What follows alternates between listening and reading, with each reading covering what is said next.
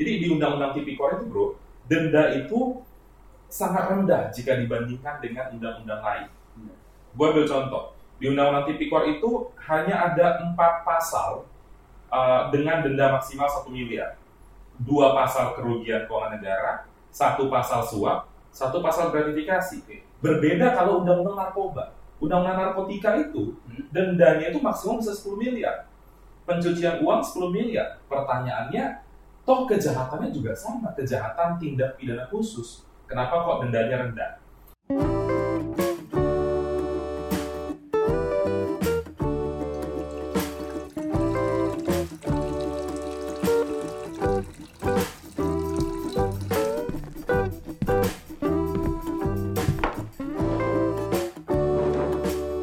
Di atas meja podcast by ICW. Di atas meja by ICW.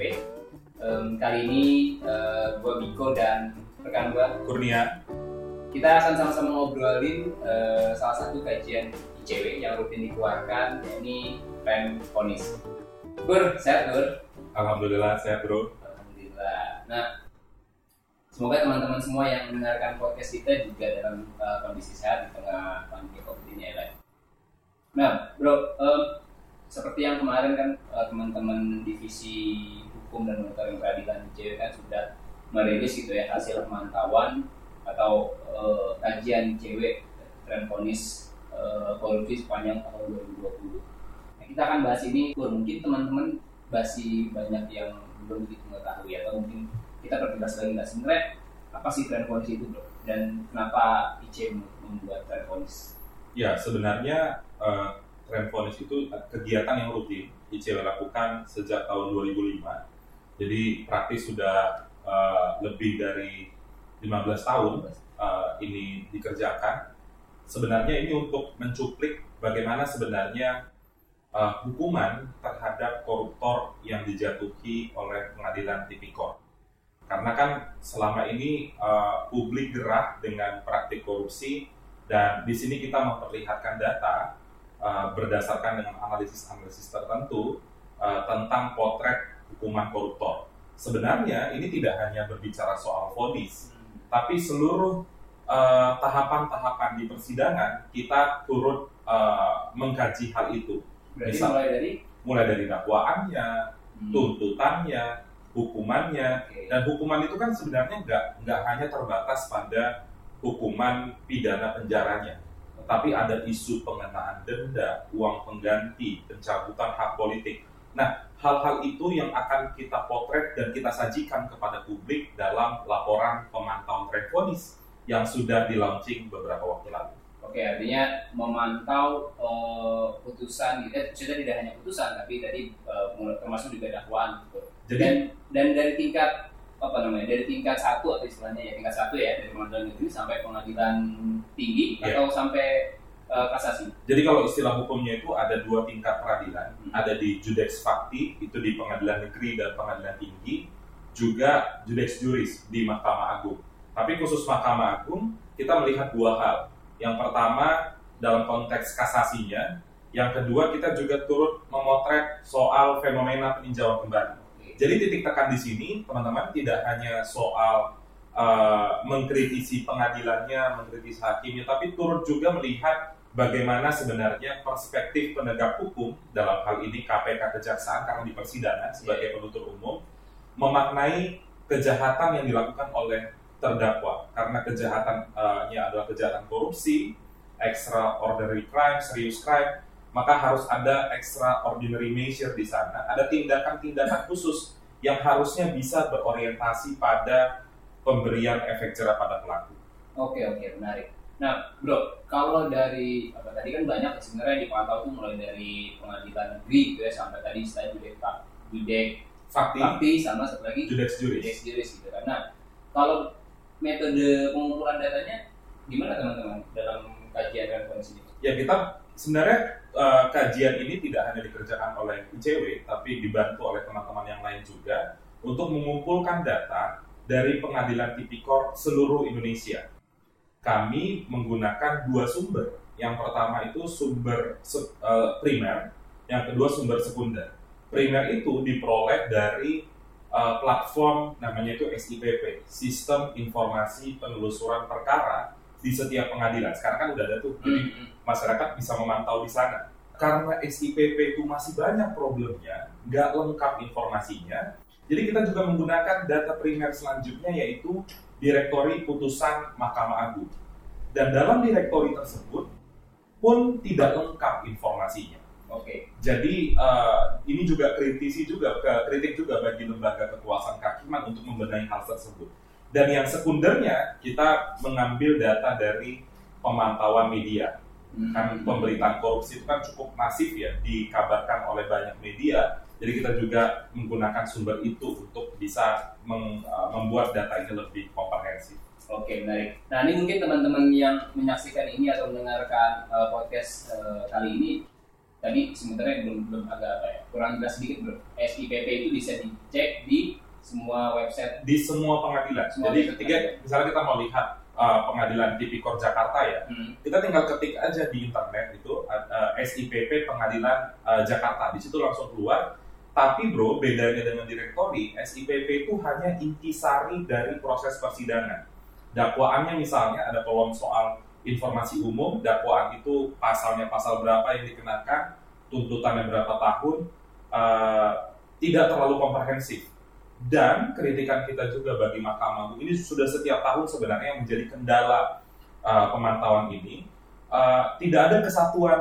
uh, konsep SIPP di setiap pengadilan. Jadi satu pengadilan itu ada uh, di putusannya itu banyak yang bolong, Hmm. tidak tidak diisi oleh informasi yang lengkap. Tapi ada juga di sisi lain pengadilan yang tidak mencantumkan soal informasi terdakwanya ini siapa namanya, umurnya. Jadi Oh, oke. Nggak lengkap lah ya. Jadi- Jadi bingung ya. Benar, jadi publik itu tidak diberikan informasi yang clear. Padahal ada regulasi di MA, fungsi pengadilan itu kan tidak hanya mengadili perkara, tapi ada fungsi administrasi yang harus mengedepankan konsep eh, transparansi dan akuntabilitas bagi publik.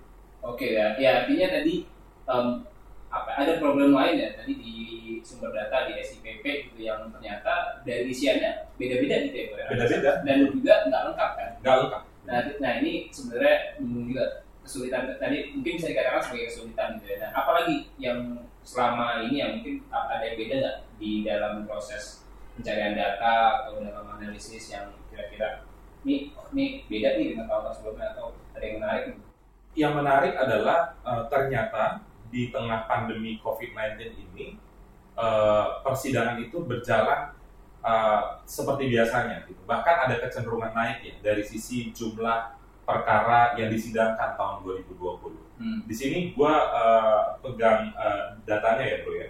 Di tahun 2020 itu eh, penanganan perkara itu ada 1.218 1218 Iya. perkara. perkara dari Januari sampai Desember. Kita tahu COVID itu kan di bulan uh, Maret ya. Jadi mereka cepat juga untuk bisa uh, mengikuti situasi pandemi ini dengan mengeluarkan berbagai aturan yang salah satunya uh, persidangan online dan lain sebagainya. Di tahun 2019 itu persidangan itu uh, sebanyak 1019. Jadi uh, relatif naik ya Naik, di tahun 2020 ini dan itu saya rasa penting uh, untuk diapresiasi juga Mahkamah Agung. Ya.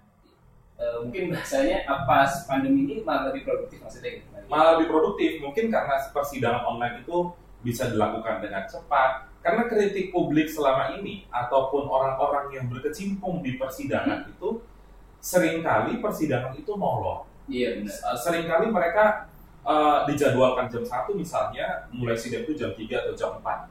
Uh, dengan online ini justru lebih Mau tidak produktif. mau kan on time gitu Betul, ya. mau tidak mau on time. Oke, nah ini kita ngomongin eh, temuan yang eh, beberapa hari lalu dirilis oleh ICW gitu.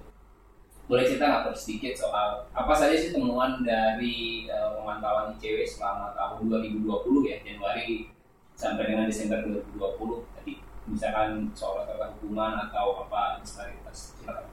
Iya, sebelum masuk ke sana sebenarnya gue mau nambahin dikit yang tadi ya soal uh, pengadilan-pengadilan yang tidak melengkapi SIPP. Jadi kita tuh mendata Bib ya, dari total 30-an pengadilan tipikor seluruh Indonesia, itu 15 di antaranya atau setengah dari total pengadilan itu ternyata tidak melengkapi SIPP. Setengahnya Setengahnya dari berapa tadi tadi? dari 30-an pengadilan tipikor Indonesia, setengahnya itu masih ada catatan soal administrasi informasi untuk publik di websitenya. Oke. Kami sebenarnya mendesak agar eh, Ketua Mahkamah Agung menaruh perhatian di sini. Bahkan kalau ada pengadilan yang terus-menerus mengulangi hal yang sama, rasanya tepat untuk menjatuhkan sanksi kepada ketua pengadilannya karena kan dia yang punya otoritas untuk bisa memastikan seluruh proses di pengadilan itu berjalan dengan lancar. Fungsi itu harusnya dilakukan oleh MA. Fungsi itu harusnya dilakukan oleh MA. Oke, tapi sekarang ini belum kelihatan ya. Belum kelihatan karena ada beberapa pengadilan yang uh, rasanya terus-menerus masuk dalam kategorisasi uh, tidak lengkap administrasi. Dan pengadilan tipikor itu kan hampir sama kayak di undang provinsi kalau nggak salah ya. Iya Nah, di pengadilan itu jadi hampir ada di setiap daerah. Ada di setiap daerah. Dan apa namanya kalau misalkan tadi dibilang belum lengkap, terus juga ini gimana caranya masyarakat buat mantau? kayak Tidak gitu? hanya masyarakat sebenarnya, orang-orang yang dalam proses persidangan itu penting juga untuk dipastikan mereka mendapatkan informasi Bener, yang tepat bener, bener. Karena sering-sering yang dalam persidangan itu mereka nggak tahu kan, tahunya pas sidang terus informasinya pak belakangan. Iya, maka dari itu uh, ketika MA mengeluarkan inisiatif untuk uh, me- membuat SIPP, kita mengapresiasi itu. Tapi proses evaluasi, proses reward and punishment dalam konteks menjaga hal itu berjalan dengan baik, rasanya itu yang terlewat. Oke, nah bro, sekarang tadi yang belum dijawab, apa saja temuan dari pantauan tren vonis ICW 2020? Ya, sebenarnya nggak banyak berubah ya. Hukuman koruptor itu masih belum memberikan rasa keadilan bagi masyarakat. Kita kan harus bergeser. Kita tidak bisa hanya mementingkan hak asasi manusia terdakwa. Tapi masyarakat selaku korban korupsi harus diletakkan pada poin utama sebelum menjatuhkan putusan hakim begitu. Sebelum hakim menjatuhkan putusan. Rata-rata hukuman koruptor tiga tahun satu bulan Tiga tahun satu bulan untuk tahun 2020. untuk tahun 2020. Jadi uh, ini yang membuat kita miris ya ketika menyusun analisis uh, pelaporan ini atau pemantauan ini karena terus menerus tidak ada perbaikan yang signifikan. Kalaupun ada, paling itu naik hanya 4-5 bulan begitu. Jadi uh, sebelum masuk ke sana ya, uh, ICW itu membagi tiga bro, membagi tiga klaster hukuman. Nah, yang dimaksud rendah, tinggi, berat tuh nah, Benar. Kemarin kan banyak yang ini ya eh, pemberitaan yang menyebutkan mayoritas itu hukumannya ringan. Hmm. Kalau ringan itu kita kategorisasi 0 sampai 4 tahun. Ya, hukuman ringan itu adalah eh, 0 sampai 4 tahun. Iya. Kalau sedang itu di atas 4 tahun sampai 10 tahun atau di bawah 10 tahun. Sederhananya di bawah 10 tahun. Dan kalau berat itu di atas 10 tahun. Jadi kita berangkat dari tiga klaster ini nih untuk menilai vonis ini bagaimana eh, konteksnya begitu. Ringan, sedang, berat. Jadi kalau tiga tahun satu bulan, ya sudah pasti itu masuk pada kategorisasi ringan dan itu tidak pernah berubah setiap tahun. Angkanya selalu dua tahun sekian. Ini eh, naik sedikit tapi ya tetap tidak signifikan juga untuk menciptakan efek jerah eh, bagi pelaku. Itu dari sisi pidana penjaranya. Oke. Kalau kita berbicara soal hukuman korupsi itu kan ada dua ya, ada pidana pokok, ada pidana tambahan Hmm. penjara itu kan ada pada pidana pokok dan denda misalnya. Denda itu kita hitung juga tidak signifikan. Berapa? Gue mau ambil contoh gini, Eh, denda itu sekitar 150-an miliar Rata-rata. eh, eh, jika Oh, ditotal ditotal, seluruh terdakwa. Yang menarik dari denda itu, dari total eh, terdakwa, terdakwa itu ada 1298. Jadi di Undang-Undang Tipikor itu bro, denda itu sangat rendah jika dibandingkan dengan undang-undang lain. Hmm. Gue ambil contoh, di Undang-Undang Tipikor itu hanya ada empat pasal eh, dengan denda maksimal 1 miliar. Dua pasal kerugian keuangan negara, satu pasal suap, satu pasal gratifikasi. Berbeda kalau undang-undang narkoba. Undang-undang narkotika itu Hmm. dendanya itu maksimum bisa 10 miliar. Pencucian uang 10 miliar. Pertanyaannya, toh kejahatannya juga sama, kejahatan tindak pidana khusus. Kenapa kok dendanya rendah? Dari 1298 terdakwa, ternyata hanya enam orang yang dikenakan pidana denda maksimal, yaitu 1 Enam miliar. Dari jadi 1298 totalnya, Hmm. ternyata hanya enam orang yang dikenakan eh, denda maksimal. Nah itu siap perkara nanti mungkin nanti lu bisa jelasin sedikit perkaranya apa aja. Lanjut ke gua. Iya, eh, sebenarnya eh, teman-teman semua untuk bisa membaca laporan lengkapnya bisa juga mengakses Oh ya di website ICW. website ICW ya www.antikorupsi.org di situ uh, cukup lengkap uh, data dari setiap tahun uh, tren pemantauan perkara korupsi. Jadi tadi ada enam yang dikenakan uh, denda maksimal. dari 1298. Kalau kita berpindah pada hukuman tambahan, itu kan ada beberapa ya, ada dua ya kalau bisa diambil. Yang pertama soal uh, pidana uang pengganti. Tapi sebelum masuk pidana uang pengganti, yang juga menarik bagi publik adalah berapa total kerugian keuangan negara di sepanjang tahun 2020 perkara-perkara yang sudah disidangkan. Jadi tadi dari seribu sekian perkara itu berapa kerugian negaranya? Termasuk juga berapa kerugian negara, berapa yang dikembalikan gitu ya. Iya, maka dari itu sebelum masuk pidana uang pengganti, gue mau sampaikan nih kerugian keuangan negara. Gue mungkin bisa katakan ya, bahwa kerugian keuangan negara tahun 2020 ini menjadi kerugian negara yang terbesar uh, selama pemantauan ICW beberapa tahun terakhir ya. Kerugian keuangan negara tahun 2020 itu jika ditotal, itu jumlahnya 56,7 triliun.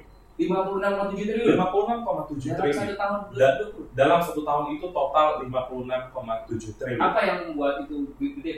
Meskipun memang kita nggak bisa menafikan juga ada beberapa perkara yang jumlah kerugian keuangan negaranya uh, besar ya. Ada perkara jiwasraya 16 sekian triliun kerugian keuangan negaranya. Ada perkara uh, kondensat juga Hmm. itu puluhan triliun juga. Tapi di situ kita bisa melihat bahwa uh, korupsi itu benar-benar uh, merusak uh, perekonomian negara. Nah, bro, dari eh, apa ya, sepanjang 2020 56,7 triliun itu, itu kalau dilihat dari apa ya namanya, kalau kita suka mengklasifikasikan ini sektornya paling banyak bicara tadi kan, eh, lo sudah singgung sedikit soal kasus Jiwasraya ya. Nah, selain dari itu ada ada sektor apa bro? Dan apa ya latar belakang aktor-aktor itu banyak eh, apa sih yang eh, di, di pantauan kita tergambar itu? Iya, jadi ada banyak kita juga turut memantau ya latar belakang pekerjaan terdakwa itu berasal dari mana gitu. Ternyata di tahun 2020 itu paling banyak dilakukan oleh perangkat desa, kepala desa, sekretaris dan lain sebagainya. Itu total ada 330 orang. Jadi 25% pelaku korupsi tahun 2020 itu ada pada uh, isu pengelolaan dana desa. Tentu di sini uh, penting juga bagi pemerintah untuk melihat nih apakah memang celah melakukan perbuatan korupsi itu uh, sebenarnya sudah besar dan harus segera ditambal dengan regulasi-regulasi tertentu. Itu pertama perangkat desa. Yang kedua adalah aparatur sipil negara. Aparatur sipil negara atau PNS, ASN itu ada 321. Yang ketiga itu ada oknum uh, swasta 286. Jadi tiga itu menjadi uh, peringkat paling tinggi dalam konteks uh, latar belakang terdakwa uh, kasus korupsi di sepanjang tahun 2020. Dan ada ada beberapa yang menarik juga ya. Ternyata eh, praktik korupsi ini kita juga memantau ini bro, memantau eh, dalam konteks umur ya.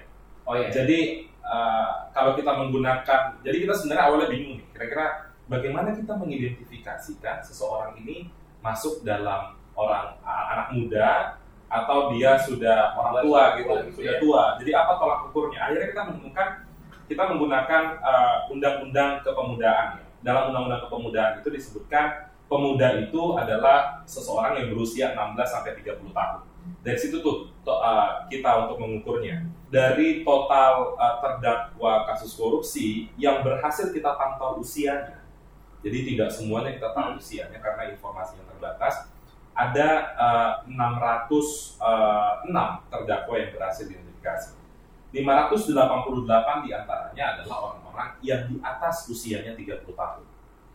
Jadi mayoritas memang ya uh, orang tua Usia, yang ya. melakukan praktik korupsi hanya 18 yang di bawah uh, 30 tahun. Usianya itu kalau uh, dari sisi uh, profesi tadi profesi rata-rata sudah apa namanya perangkat desa paling banyak terus aparatur sipil negara dan yang ketiga swasta. swasta ya swasta yang tiga kalau kepala daerah atau apa aktor lain karya BUMN BUMN itu tergambar Kalau kepala daerah ada 10 yang disidangkan dalam uh, persidangan perkara anggota korupsi. legislatif Uh, anggota legislatif itu ada 33. 33. 33, terus BUMN atau BUMD itu ada 47. Kita juga melihat sektor perbankan ada problem di sana yang saya rasa cukup, gue rasa cukup serius juga ada 46 orang. Uh, ada advokat, KPU, bahkan KPU juga kita pantau ada 14 uh, terdakwa berasal dari uh, Komisi Pemilihan Umum Oke. dari seluruh Indonesia ya. Oke, Bro.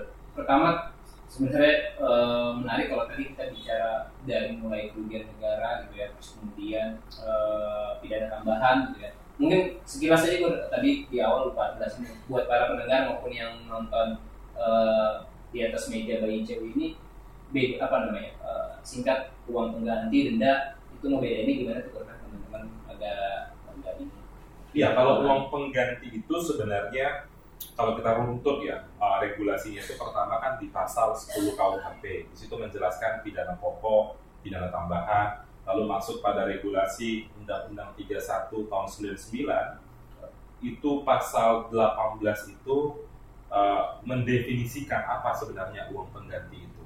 Uang pengganti itu kan uh, uh, perolehan uang sebanyak-banyaknya yang dia korupsi itu yang harus dikembalikan uh, ke negara. Gitu. Kalau denda kan itu diatur dalam undang-undang, uh, bentuknya jelas, ada minimum, ada maksimum, konsekuensi atas kejahatan yang dia lakukan. Oke, berarti misalkan ya si A divonis 10 tahun penjara, lalu kemudian dengan eh, pidana tambahan uang pengganti eh, 5 miliar, Iya. Denda eh, 3 miliar gitu ya. Iya, jadi yang harus dititik tekan di sini adalah kerugian uh, uang pengganti itu tidak hanya dikenakan kepada korupsi jenis kerugian keuangan negara. Karena kan sekarang lagi iya. ini ada ada satu putusan yang uh, uh, kita rasa cukup keliru ya, karena uang pengganti itu bisa dikenakan pada semua tindak pidana korupsi dan itu dijelaskan cukup clear dalam pasal 17 Undang-Undang Tipikor. Jadi teman-teman nanti bisa Iya. lihat putusan apa yang saya maksud itu menggeser definisi uang pengganti dan yang kedua regulasi-regulasi apa saja yang menegaskan hal itu. Oke, good. Ya, terima kasih. Ini kita melihat tadi di apa dari sisi aktor gitu ya ada eh, meskipun apa namanya jumlahnya tidak terlalu banyak tapi eh, anak yang apa namanya anak sorry pelaku korupsi yang berusia muda itu jumlahnya kalau dilihat meningkat dari tahun sebelumnya bro. Meskipun jumlahnya tidak terlalu banyak. Iya, jumlahnya meningkat tapi memang nggak terlalu banyak. Apa yang bisa kita lihat dari fenomena namanya pelaku korupsi yang berusia muda gitu sebenarnya Iya, ini sebenarnya uh, menjadi uh, sinyal ya bagi uh, teman-teman uh, apa kalau istilahnya kaum milenial sekarang Ya. uh, untuk tetap bahkan bisa menurunkan angka ini ya dengan tetap menjaga integritas, kalaupun masuk pada sektor publik itu bisa memastikan tidak melakukan sesuatu yang bertentangan dengan apa aturan tidak karena kan kalau korporasi swasta mereka ada Hmm. regulasinya sendiri kalau di sektor publik ada juga dan itu yang harus uh, dipertahankan juga sih. Oke, dan mungkin ini jadi apa ya semacam sinyalmen gitu ya eh, bahwa eh, orang-orang yang berusia muda itu bukan berarti dia apa namanya lepas dari bahaya korupsi gitu ya, bahkan mereka bisa terlibat gitu kan. Makanya kemarin kalau kita ingat itulah yang jadi salah satu alasan ICW mengembangkan sekolah anti korupsi dan kegiatan lain ya karena Betul. bicara kalau koruptor aja bisa beregenerasi ada usia-usia muda makanya kita harus menyiapkan generasi anti korupsi. Oke, bro, ngomongin soal apa namanya kerugian negara, angkanya itu kan angkanya gede, gitu ya. kayak angkanya sangat sangat besar banget gitu. Nah, banyak itu perkara di tangannya aja? Kalau dari segi penegak hukum, Nah, di sini menarik ya memang. Eh, temuan kita tahun 2020 ternyata penegak hukum yang paling banyak menangani perkara dengan kerugian negara besar bukan KPK, tapi kejaksaan. Ini sebenarnya satu sisi kita apresiasi kejaksaan karena banyak menangani perkara korupsi besar. Satu sisi kita harus meletakkan kritik keras kepada KPK agar tidak hanya fokus pada penanganan perkara suap begitu. Jadi harus masuk juga pada isu-isu kerugian keuangan negara yang mestinya dapat ditingkatkan pada uh, tahun-tahun selanjutnya. Hmm. Dan juga catatan sendiri bagi kejaksaan selain kita apresiasi tentu harus kita kasih catatan ya. Uh, iya. Yang harus dipastikan ketika menangani perkara besar, misalnya Jiwasraya, bagaimana kelanjutan perkara itu? Jangan sampai hanya berhenti pada terdakwa-terdakwa yang saat ini sebenarnya sudah difonis pengadilan. Uh, kalau gue nggak salah, beberapa orang terdakwa itu ketika di PN difonis seumur hidup, ternyata di pengadilan bandingnya justru dikurangi Hmm. menjadi uh, vonis 20 tahun 20 kalau tahun. nggak salah. Itu itu nah fenomena itu yang rasa-rasanya masih sering terjadi di uh, persidangan perkara korupsi. Oke, nah bagaimana kan kalau kalau dibandingkan dengan tahun sebelumnya atau semester sebelumnya, khususnya di KPK ya, bro. Ini gimana eh, dalam konteks apa namanya penanganan perkara di KPK ada kenaikan? Nah, tadi kan yang berbilang kejaksaan sekarang kita mengapresiasi meskipun ada catatan dan soal bagaimana menuntaskan perkara tersebut, Hmm. ya, tidak hanya berhenti dalam satu aktor kedua. Ya kalau KPK sendiri uh, sebenarnya selain dari kajian tren vonis ini kemarin kita juga sudah melaunching bagaimana potret kinerja KPK uh, di tahun 2020. Seluruhnya menurun. Tapi kalau kita spesifik berbicara di konteks persidangan, jumlah penuntutannya menurun juga. Di penyidikannya menurun uh, dan juga di penuntutan terjadi uh, hal yang sama. Dan ini menjadi, uh, gue rasa udah sering banget ya kita kita kritik KPK untuk mengingatkan uh, agar lebih maksimal dalam konteks menjalani fungsi penindakan, menyelidiki, menyidik, dan menuntut perkara-perkara korupsi. Karena di KPK itu sekarang ada problem serius dalam konteks uh, penuntasan. Jadi kebiasaan KPK hari ini, KPK hanya mampu membongkar. Tapi menuntaskan perkara itu sampai pada aktor-aktor yang quote and quote tidak tersentuh selama ini, di situ yang agak sulit KPK untuk menembus dinding itu. Oke, oke, thank you.